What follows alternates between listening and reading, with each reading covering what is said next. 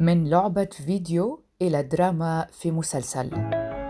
عن هذه اللعبة وعن نتفليكس واهتمامها بالأطفال وما أطلقته مؤخرا من خدمات تساعد الآباء على فهم ما يشاهده الأطفال هذا هو موضوع حلقة اليوم من بودكاست في عشرين دقيقة.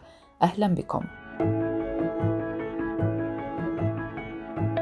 في السابع والعشرين من أكتوبر تشرين الأول الماضي أعلنت نتفليكس عن عقد اتفاق مع Ubisoft لتطوير المحتوى المستوحى من سلسلة ألعاب الفيديو الأكثر مبيعاً عالمياً Assassin's Creed ومن المقرر أن يدرج المسلسل الأول الذي لا يزال قيد التطوير الآن ضمن فئة الأعمال الملحمية والحركة والإثارة. ويتولى الإنتاج التنفيذي كل من جيسون ألتمان ودانيال كراينيك من Ubisoft Film and Television الشركة المنتجة لسلسلة الألعاب.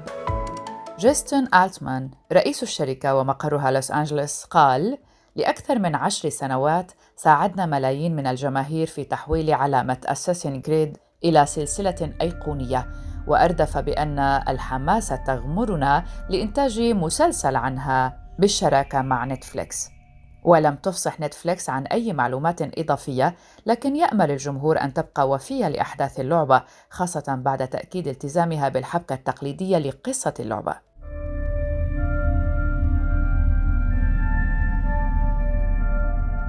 الموسيقى في الخلفية التي تستمعون إليها هي من البرومو الترويجي القصير جدا للمسلسل.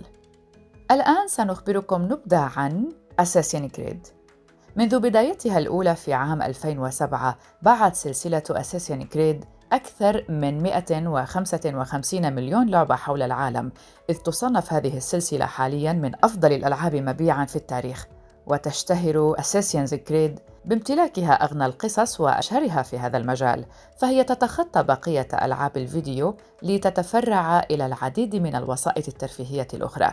ولم تكن هذه المرة الأولى التي يتم تحويل Assassin's Creed إلى عمل فني إذ سبق وتم تنفيذ فيلم بنفس العنوان عام 2016 وتقع أحداثه في نفس العالم الخيالي الذي تقع فيه أحداث سلسلة الألعاب. الفيلم من إخراج جاستن كورزل ومن بطولة مايكل فاسبندر ماريون كوتيار ومايكل كينيث وغيرهم إلا أنه لم يلقى نجاحا وقتها. الآن معنا يوسف ليخبرنا عن لعبة Assassin's Creed. السلسلة بدأت بال 2007 وما زالت مستمرة لهلا نحن بنكون بدور الأساسن وخلال السلسلة بنزور حقب تاريخية مختلفة من بينها سوريا فترة الحروب الصليبية. خلال السلسلة نتعرف على شخصيات تاريخية حقيقية مثل ليوناردو دافنشي جورج واشنطن سقراط كليوباترا والملك ألفريد. اللعبة بتحكي بشكل رئيسي عن الصراع بين ال Assassins وال Templars صراع الأفكار والحروب.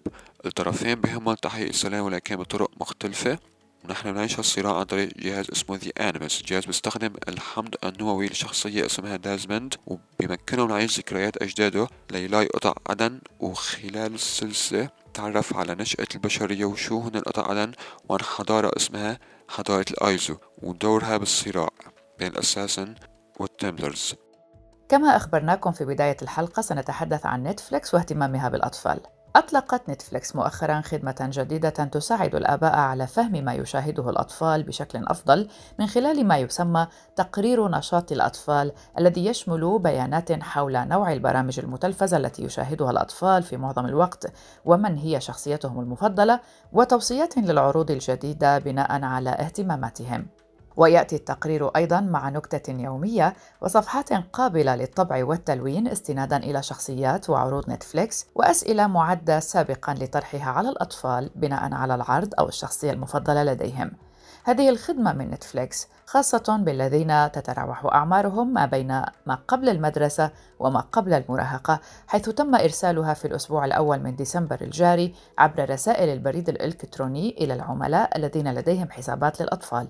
وذلك لإعلام الآباء بأنه يمكنهم الاشتراك في تقرير نشاط الأطفال ويمكن للوالدين الانسحاب من التقرير في أي وقت. وعن نقطة التحكم بمحتوى المشاهدة على النت واليوتيوب من أجل الأطفال نستمع إلى مشاركة رشا من السويد. بشكل عام أول شي ممكن أنا شخصيا أعمله إذا كنت عم أعرض فيديو من حسابي فبكون أكيد تحت إشرافي. وأكيد نحن مشتركين ب YouTube Premium يلي هو بتدفع عليه اشتراك شهري لتجنب الدعايات يلي لازم ما يشوفها الطفل. أو بنفتح في عنا خيار تاني إنه نفتح على ال YouTube Kids يلي بيكون عامل control وبيعرض بس الأشياء المناسبة للأطفال ومن دون دعايات. وفي عدة خيارات إنه الواحد ممكن يعمل حظر لمحتوى أو لقناة محددة أو ما يظهر أي محتوى غير المحتوى اللي نحن موافقين عليه أو ممكن توقيف البحث. ممكن الواحد يشغل خاصية ال parent control على اليوتيوب. استكمالا لآخر ما أعلنت عنه نتفليكس من إنتاجها. أعلنت في الثاني من ديسمبر كانون الأول أنها ستطلق مسلسلا يابانيا بعنوان First Love أو الحب الأول في عام 2022 المسلسل مستوحى من أغاني المغنية اليابانية هيكارو أوتادا ويحمل اسم إحدى ألبوماتها ألبوم First Love إنتاج 1999 أكثر الألبومات مبيعاً في اليابان على الإطلاق. أوتادا ألفت في الماضي العديد من الأغاني لأعمال درامية مكتوبة ولأفلام ويعد هذا المسلسل ذو السيناريو المكتوب هو المسلسل الأول على الإطلاق المستوحى من أغانيها. يروي مسلسل فيرست لوف قصة الحب الأول لشاب وشابة يتعرفان على بعضهما بعضا في أواخر تسعينيات القرن الماضي ويكبران معا في القرن الحادي والعشرين لينتهي بهما المطاف إلى الوقت الحالي. فيما يكتشفان الأسرار التي جعلت من علاقتهما علاقة لا تنسى رغم مرور أكثر من عشرين عاما على بدايتها. وستتولى يوري كانشيكو مهام إخراج المسلسل وتأليفه وهي لا تشتهر بأعمالها الروائية المكتوبة فحسب بل الوثائقية والدراما المكتوبة والأغاني المصورة وذلك منذ أول ظهور لها عام 2004 من المقرر عرض مسلسل First Love في جميع أنحاء العالم في عام 2022 من هي شركة نتفليكس التي أصبحت من أشهر منصات المشاهدة في العالم؟ تعد نتفليكس الشركة الرائدة عالميا في مجال تقديم خدمة الترفيه عبر الإنترنت وهي شركة أمريكية أسسها ريد هاستينغز ومارك راندولف في التاسع والعشرين من أغسطس آب عام 1997 في سكوتس فالي في كاليفورنيا. عملت شركة نتفليكس في البداية بتقديم خدمة بيع وتأجير الأقراص المدمجة DVD و Blu-ray. بعد عام من تأسيس الشركة قرر هاستينغز إيقاف مبيعات الأقراص المدمجة للتركيز على خدمة التأجير عبر البريد. في عام 2007 وسعت الشركة أعمالها بتقديم خدمة البث عبر الإنترنت مع إبقاء خدمة تأجير الأقراص المدمجة. توسعت الشركة عالميا لتوفر خدماتها في كندا في عام 2010 واستمرت بتوسيع خدماتها عالميا. وفي عام 2013 توسعت شركة نتفليكس بإنتاج الأفلام والبرامج التلفزيونية وتوزيع الفيديو عبر الإنترنت وبدأ عرض أول مسلسل أصلي تقدمه الشركة وهو لا كازا دي بابيل أو بيت من ورق أو بيت المال المسلسل الشهير والذي حضره ملايين حول العالم بعدها ازداد عدد البرامج الأصلية التي أنتجتها نتفليكس من الأفلام، المسلسلات، البرامج الوثائقية وعروض ال stand-up comedy. في 2016 أطلق نتفليكس حوالي 126 عملاً أصلياً أكثر من أي شبكة أو قناة كابل تلفزيونية. اعتبارا من 2017 اتخذت شركة نتفليكس مدينة لوس جاتوس في كاليفورنيا مقرا لها. وفي شهر أكتوبر من عام 2018 تم الإعلان عن زيادة عدد مشتركي الخدمة ليصل إلى 137 مليون مشترك من جميع أنحاء العالم ومن ضمنهم 58 مليون مشترك في الولايات المتحدة وحدها. كما تتوفر خدمة نتفليكس في الوطن العربي ما عدا سوريا بسبب العقوبات الأمريكية بواجهة مستخدم عربية مع إمكانية تشغيل الترجمة العربية للأفلام والمسلسلات. اليوم يستمع أكثر من 195 مليون شخص في أكثر من 190 دولة بعضوية مدفوعة لمتابعة المسلسلات والأفلام الوثائقية والأفلام الروائية بمختلف التصنيفات الفنية واللغات كما يستطيع الأعضاء متابعة كل ما يرغبون في مشاهدته وفي أي وقت وفي أي مكان وعلى أي شاشة متصلة بالإنترنت كما يمكنهم التمتع بالمشاهدة وإيقافها مؤقتا ثم معاودة المشاهدة مرة أخرى وكل ذلك بدون إعلانات أو التزامات.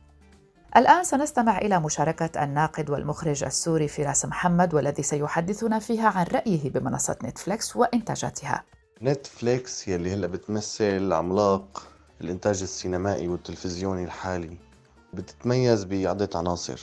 أولا هو تنوعها وإنه عم تحاول إنه تطلع من السوق الأمريكي تروح للسوق الأوروبي والشرق الأوسطي وفي أكثر من نتاج حققته بالفترة الماضية بدل على هذا الشيء وأنه هي مو بس عم تحاول تغزو السوق الأمريكي تلفزيونيا وكذلك الأمر سينمائيا رغم محدوديته مقارنة بالتلفزيون وإنما عم تحاول أنه تجذب أشكال وأنماط مختلفة من المشاهدين وفق سياسة تسويقية. أنا برأيي أنه هي ذكية ولكن هي بتحمل بنفس الوقت مشاكل على صعيد الرسائل يلي عم تنضاف أو عم تنطرح من خلال إنتاجاتها. آه، اولا لا يوجد نتاج لنتفليكس خالي من الرسائل وبالتالي في شكل من أشكال التوجيه الموجود جوات مسلسلاتها أو أفلامها مرتبط بشكل أو بآخر بال trends العالمي. مو بمعنى إنه هي ممكن تكون trends سيئة وإنما عم تحاول تستفيد من القضايا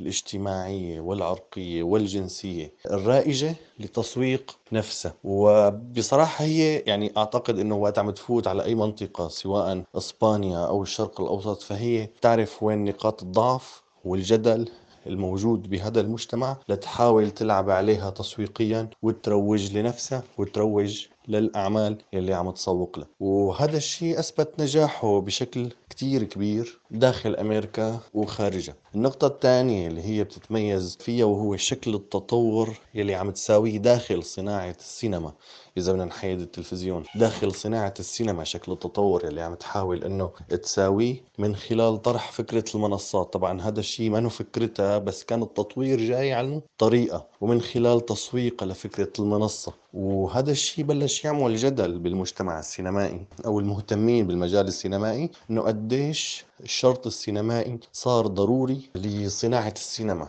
الشرط السينمائي بمعنى أن يذهب المشاهد إلى السينما وليس أن تأتي السينما إليه. آه هذا الشيء حقيقة سمح لبعض المهرجانات أنه يمنعوا نتفليكس من أنه تشارك وتربح جوائز ضمن فعالياتها مثل مهرجان كان سينمائي يلي أصدر قرار بمنع حصول أي إنتاج لنتفليكس على جوائز ضمن المهرجان. قد يكون هناك مشاركة ولكنه محروم سلف من الجوائز أو من التكريم. هذا الشيء استغلته نتفليكس وهذا الشيء حقيقة مرتبط بجوهر التسويق عنده يلي هو اللعب على نقاط الضعف. فهي لعبت حتى على نقاط الضعف يلي هي بتملكها بما يخص الإنتاج السينمائي تحديدا.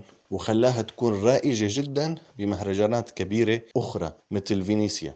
ببعض اللحظات بلش النقاد يقولوا أنه المهرجانات الكبرى يلي منعت إنتاجات نتفليكس من التكريم ضمن فعالياتها خسرت هي الإنتاجات. بينما مهرجان مثل فينيسيا قدر أنه يستقطب أهم إنتاجات نتفليكس وحقيقة صعدت من جماهيرية المهرجان ذات نفسه. إنتاجات مثل روما لألفونسو جوارون. مثلا يلي ما قدر إنه يشارك بمهرجان كان باعتباره إنه هو من إنتاج نتفليكس ولكن عندما شارك بمهرجان فينيسيا هو حصل على الأسد الذهبي وحتى حصل على عدة ترشيحات مهمة بالأوسكار وبالتالي كان خسر هذا الفيلم. هذا الفيلم المهم يلي أخرجه المكسيكي ألفونسو جوارون ما تسجل ضمن سجلات مهرجان عريق مثل كان وإنما انزاحت نحو مهرجان مثل فينيسيا يلي هو كمان مهرجان عم يقارع مهرجان كان آه، بالأهمية. آه، بعض المخرجين السينمائيين بيشترطوا على هي الجهة الإنتاجية اللي هي نتفليكس عدم عرضها على المنصة وبالتالي العودة للشرط السينمائي بشرط أن يتم هناك عرض سينمائي بشروط سينمائية تقليدية آه، كما يعرفها كل السينمائيين.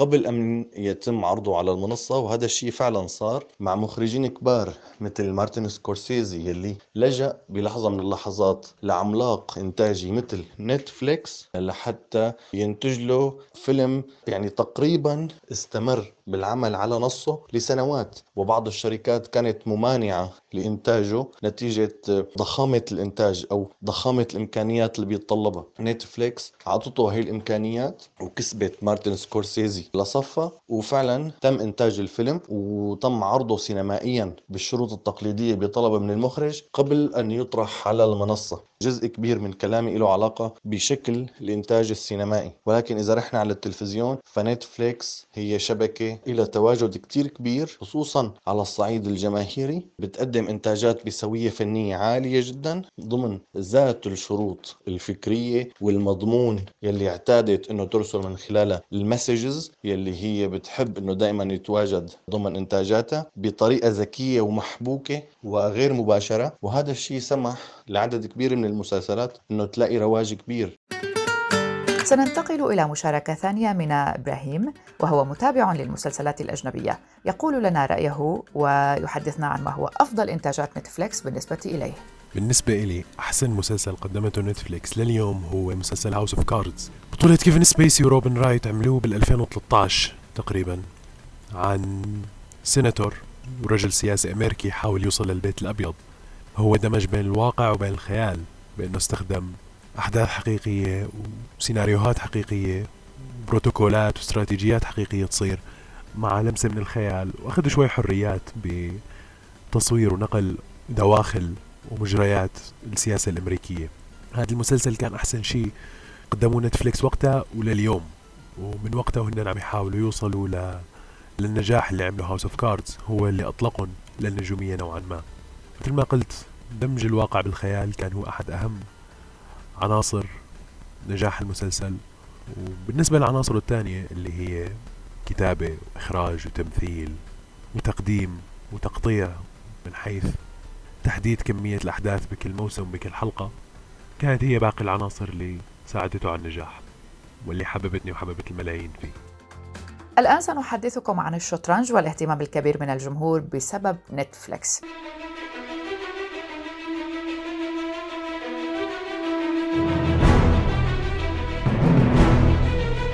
مسلسل مناورة الملكة.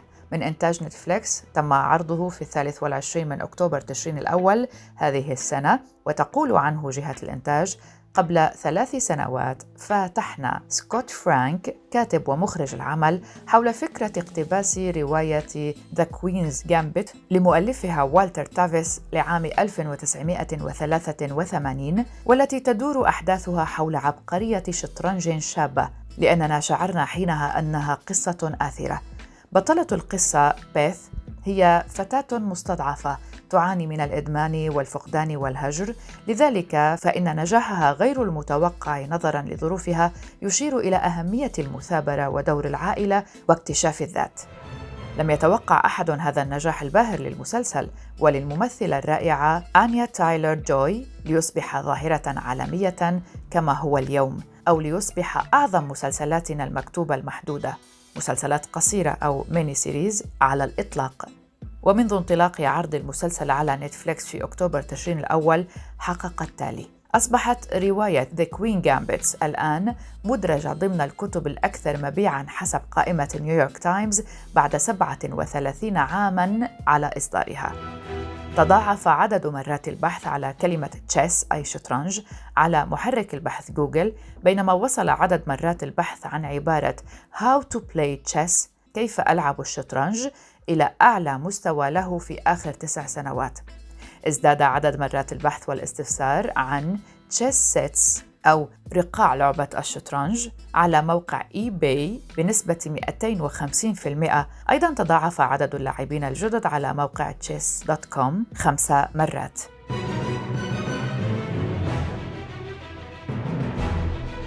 وقد أدت الحوارات التي دارت حول المسلسل إلى زيادة ملحوظة في الاهتمام ببطولة العالم التي ستعقد العام القادم وفقا للاتحاد الدولي للشطرنج. وعلى نتفليكس شاهدت 62 مليون عائلة وهو ما يعد رقما قياسيا شاهدت مسلسل مناورة الملكة في أول 28 يوما من عرضه مما جعله يحظى بانتشار عالمي غير مسبوق من روسيا إلى هونغ كونغ وفرنسا وتايوان وأستراليا. وفي الواقع فقد دخل المسلسل قائمة أفضل عشرة عناوين في 92 بلداً واحتل المركز الأول في 63 بلداً بما فيها المملكة المتحدة والأرجنتين وجنوب أفريقيا. ويعد هذا العمل تعبيرا حقيقيا وصادقا عن مهارة سكوت ككاتب ومخرج حيث نجح في تصوير الأجواء الدرامية للعديد من مباريات الشطرنج بما تحمل من تفاصيل من خلال عدسة الكاميرا وهو الأمر الذي منحه تقييمات ممتازة وإشادات واسعة ونسبة إعجاب على موقع Rotten Tomatoes بلغت 100% وهذا نادرا ما يحصل. وحظي سكوت أيضا بمساعدة كبيرة من أعضاء فريق المسلسل الموهوبين سواء من حيث استخدام مصممة الأزياء الرائعة لأنماط رقعة الشطرنج في خزانة ملابس بيث والموسيقى التصويرية المشوقة للملحن كارلوس رافاييل ريفيرا والمونتاج المتقن واختيارات مصمم الإنتاج النابضة بالحياة والتي تظهر على الشاشة في كل مشهد. وعمل المصور السينمائي الذي حولت مساهمته كل مباراة شطرنج إلى دراما غاية في الإثارة.